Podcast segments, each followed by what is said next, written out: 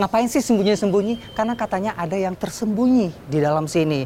Hmm, konon katanya posisi menentukan prestasi, tapi tidak dengan yang satu ini. Apa sih tempat makan yang ada di dalam gang? Ikutan sini buruan! Tepat di Jalan Purwodadi, Menteng, Jakarta Pusat, kendaraan roda 4 tentu tak bisa melintas. Anda harus berjalan kaki melalui Jalan Kudus yang tepat berada di depan Stasiun Sudirman sejauh 100 meter.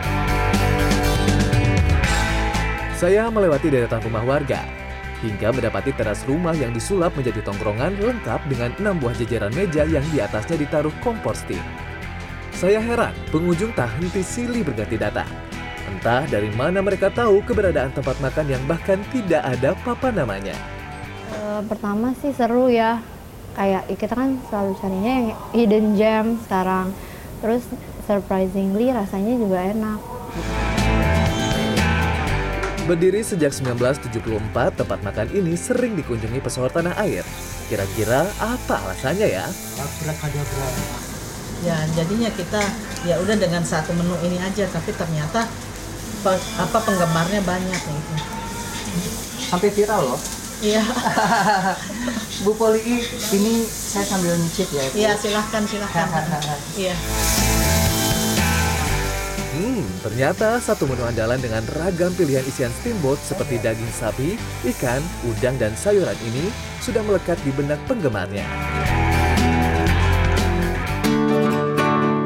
Kita bergeser ke Jakarta Selatan, tepatnya di Gang Kancil, Kelurahan Ragunan, Jakarta Selatan. Anda dapat mengakses tempat yang menyempil sejauh 300 meter ini dari Jalan Ampera Raya. Aduh, untung muat. Ini mana lagi ya? Cuh, kita lihat lagi tempat makan yang katanya enak. Oh, ternyata di sini masih di dalam gang. Dan yang pasti, saya lapar. Ornamen Jepang memenuhi setiap sudut tempat makan yang hanya berisi 5 meja. Menu andalannya ramen dan udon. Mie yang diolah di tempat makan ini dibuat langsung alias homemade. Saya pun ikut meracik mie yang akan saya santap. Indra Wijaya alias JJ adalah pemilik sekaligus koki ramen yang sudah malang melintang di dunia kuliner sejak menjadi koki kapal pesiar Jepang pada 1995. Tentu saja, cara menikmati ramen ala Jepang pun ia ajarkan kepada saya.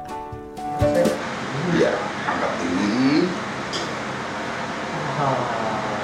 baru masuk tiup dikit tapi belum terbiasa Banyak ya tata caranya kalau Jepang itu. ya so sedot pelan-pelan Pilihan menyulap ruang tamu rumah pribadi menjadi tempat makan ditetapkan lantaran hantaman pandemi yang membuatnya tak sanggup melanjutkan menyewa tempat. Setelah pindah ke rumah, justru membuat ramennya semakin dikenal karena lokasi yang tak lazim. Kalau saya di sini eh, udah lumayan sering ya karena kantor emang dekat gitu. Kalau memang daerahnya agak terpencil kayak gitu, tapi saya juga awal-awalnya tuh tahu tuh dari YouTube juga. Rasa ramen yang saya santap ini boleh diadu dengan ramen di mall-mall.